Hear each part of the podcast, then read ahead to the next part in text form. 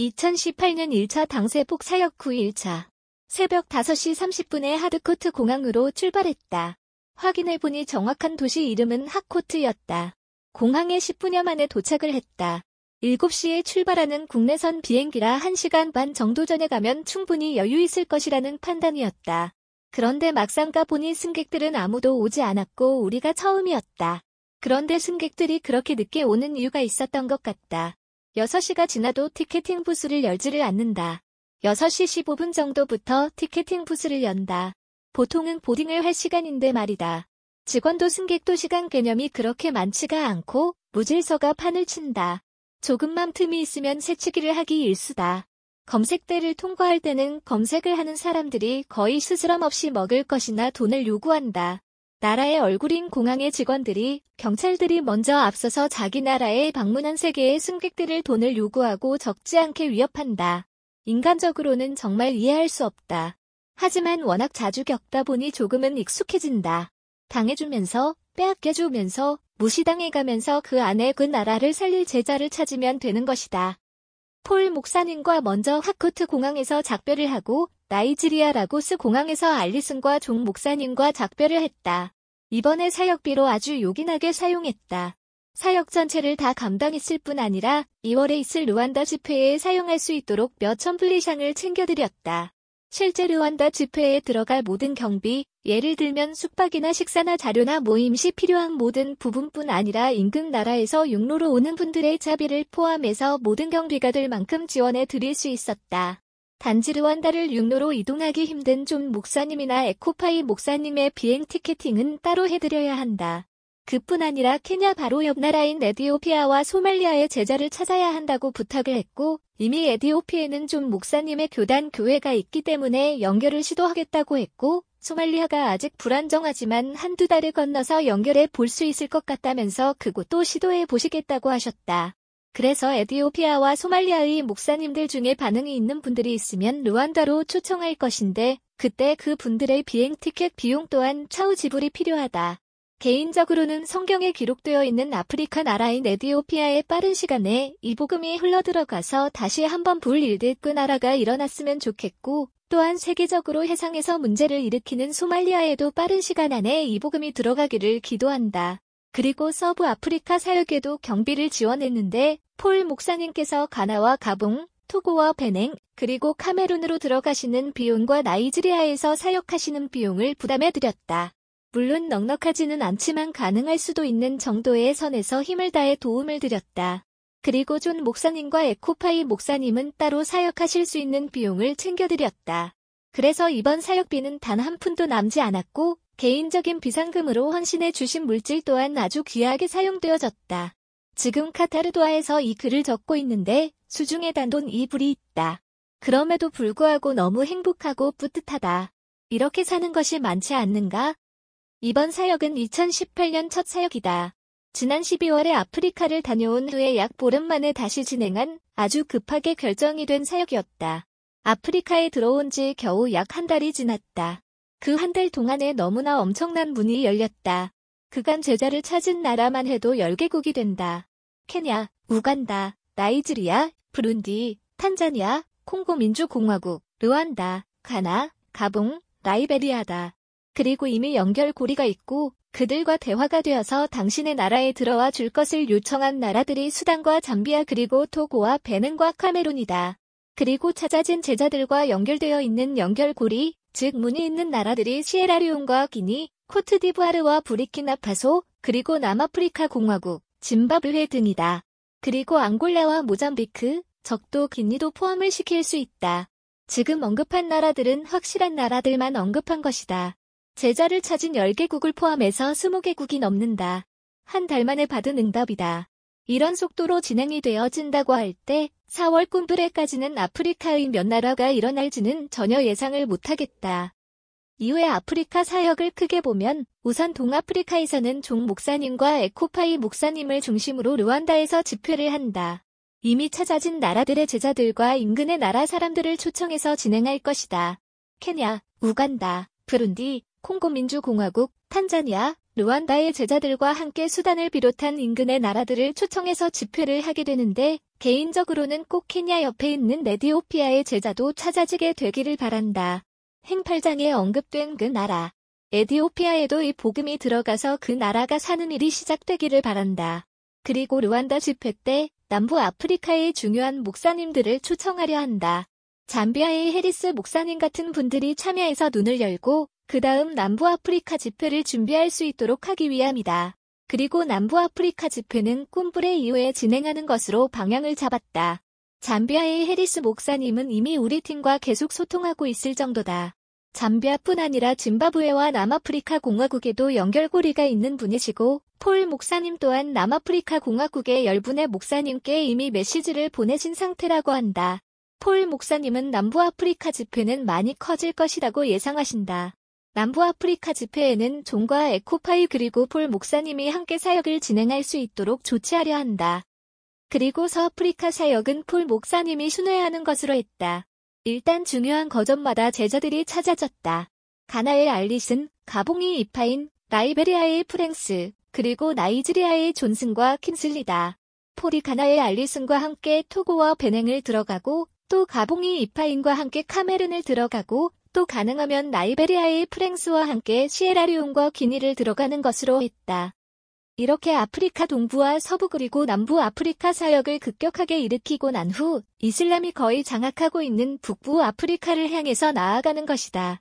충만한 응답과 증거뿐 아니라 충만한 믿음으로 하나님과 동행함으로 하나님 주신 사랑의 절정인 예수가 그리스도이신 이 복음을 들고 나가게 될 것이다. 한편 각 나라의 사역도 아주 활발하게 일어날 것이라 생각한다. 나이지리아 같은 경우에는 폴과 존슨 그리고 킨슬리가 하나 되어서 전국을 순회할 준비를 하고 있다. 존슨 목사님은 폴 목사님보다 연배가 있으시지만 이번 집회를 통해서 완전히 자신을 낮추고 폴 목사님과 함께 할 것을 표현하셨다. 킨슬림 목사님 또한 폴 목사님께 어디를 가든지 저를 데려가 달라. 이 사역을 꼭 하고 싶다고 말씀하셨다고 한다. 팀이 아주 튼튼하게 짜여진 것이다.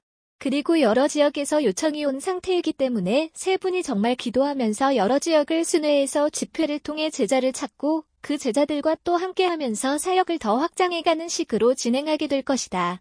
그리고 이렇게 나이지리아가 일어난 것을 목격한 가나, 가봉, 라이베리아, 그리고 케냐 또한 그 나라 사역이 더욱 활발해질 것이다. 물론 이미 우간다의 에코파이는 수단의 요청으로 사역을 준비하고 있을 뿐 아니라 당신의 나라 사역에도 박차를 가하고 있고 부룬디나 콩고 민주공화국, 탄자니아와 루안다 또한 그렇게 진행될 것이다. 그리고 이번 사역을 통해 확실히 존 목사님이 리더십이 구축이 되었다. 목사님 스스로도 그것을 감지하셨고 더욱 아프리카 전역을 돌아보시게 될 것이다. 그리고 에코파인 목사님께서 사역을 하시는 것을 보면서 얼마나 잘 준비되어 있는 목회자인지 그 가치를 확인할 수 있었다. 하지만 가장 큰 유익은 폴 목사님이 급하게 세워졌다는 것이다.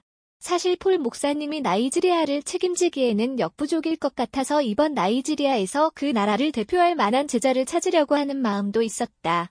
그런데 이번 사역을 통해서 폴 목사님을 확인해 보니 능히 나이지리아를 대표할 뿐 아니라 서부 아프리카도 끌고 갈 수 있는 자임을 확인하게 되었다. 그런 의미에서 나이지리아 사역을 너무 잘한 것 같다. 그리고 그들뿐 아니라 찾아진 제자들 전부가 아주 진실하신 분들이고 순종하려는 자세가 갖추어진 분들이고 또 서로 소통하는데 어려움이 없기 때문에 일시에 여러 나라에서 서로 도전을 받으며 일어나게 될 것이다.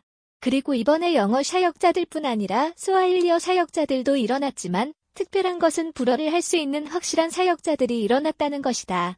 우선 가봉이 이파인 목사님이 영어와 불어를 확실하게 사용하시고 콩고 민주공화국의 레오나르도와 루안다의 파스칼 목사님은 스와일리어와 불어를 확실하게 사용하신다. 이들을 통해서 또 새로운 문을 열 수 있게 되었다. 그동안 불어 사역자들이 없었다. 사실 한국어와 불어를 사용하는 사람들 중에 정말 개시된 자들이 찾아지면 제일 좋겠지만 이제 굳이 그렇지 않아도 괜찮다. 이런 제자들을 통해서 진행하면 되는 것이다. 앞으로 진행되어질 아프리카 사역이 너무나 기대가 되고 사실 속도는 빠를 것이라는 것은 알지만 어느 정도인지는 예상이 되지 않는다. 한 대륙이 이렇게 급하게 일어날 수 있는가? 참으로 놀라운 일이다. 나라와 대륙이 차이가 있겠으나 하나님께서 하시는 일이 맞기 때문에 당세복의 속도는 더욱 더욱 빨라질 것이다. 이것을 그 현장에서 체감하면서 너무 감사를 드렸고 또 한편으로는 긴장이 되었다. 이렇게 급하신가? 이 속도를 우리가 감당할 수 있겠는가? 그런 마음이 들어서 긴장이 되었다. 새벽에 무릎 꿇어 기도하지 않을 수 없었다. 그 하나님께 찬양과 감사를 드리고 주의 은혜를 구했다. 그럴 때마다 제 정신이 든다. 이것은 우리의 일이 아님을 하나님께서 전적으로 하시는 일임을 깨닫게 된다. 200만 명 가까운 사람들을 애굽에서 나왔다. 홍해를 건너고 요단을 건너는 것도 기막힌 일이고 가나안 칠족 속 31명의 왕과의 전쟁을 해서 승리를 해야 하는 것 또한 기막힌 일이지만 매일의 삶에서 먹고 마시고 생존하는 것 자체가 기막힌 일이고 기적이었다. 모세가 걱정한다고, 염려한다고, 결단한다고 해결될 일이 아니다. 리더들이 회의한다고, 개선한다고 될 일이 아니다. 그 일은 주님의 일이었다.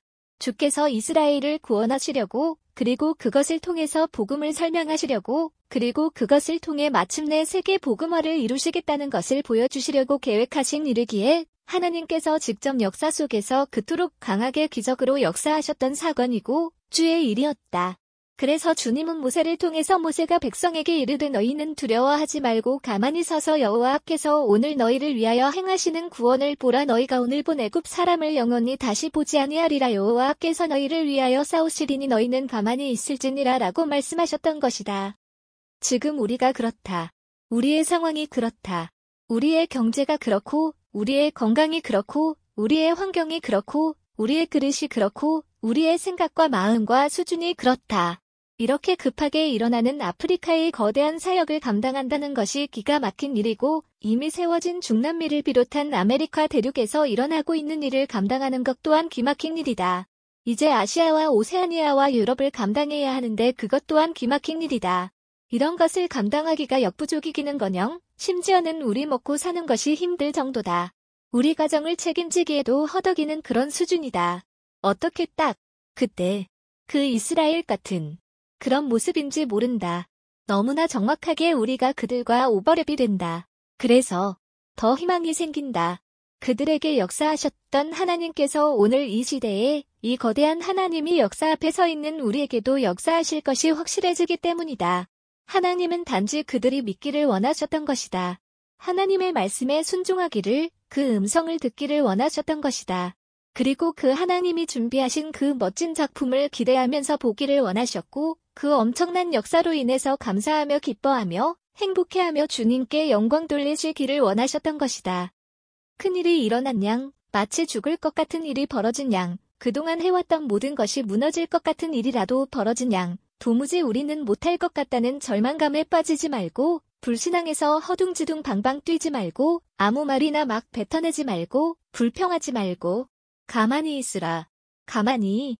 그리고 기대하는 마음으로 믿음으로 그 하나님이 역사를 정확히 보라는 것이다.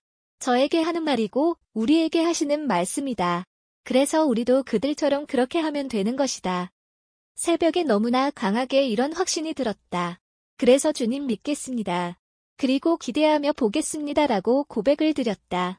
이 거대한 일 앞에 서 있는 우리 모든 성도들도 동일한 믿음의 고백이 있었으면 좋겠다. 믿기를 원하시는 그분 앞에 모든 불평과 불신앙을 제거하고 믿겠습니다라고 고백하기를 원하고 그리고 정말로 그분을 신뢰하는 마음으로 그 신실하신 하나님을 신뢰하고 이 일이 주의 일임을 신뢰하는 마음으로 정말로 기대하는 마음으로 기대하며 보겠습니다라고 고백하기를 원한다. 그래서 우리 앞에 놓여있는 태산의 태산, 또 그 태산의 태산 같은 수많은 사건과 일들이 손 대지 아니한 뜨인 돌 대신 그리스도 이름으로 산산이 부서지는 것을 같이 지켜보게 되기를 바란다. 2018년 첫 사역을 이렇게 열어주신 하나님께 영광을 돌려드린다. 거대하고 우주적인 그리스도의 몸을 세우시기 위해 연결되고 결합되는 일이 급속하게 일어날 것이다. 너무너무 기대가 된다. 마라나타. 오직 예수는 그리스도. 오직 당대 세계 복음화.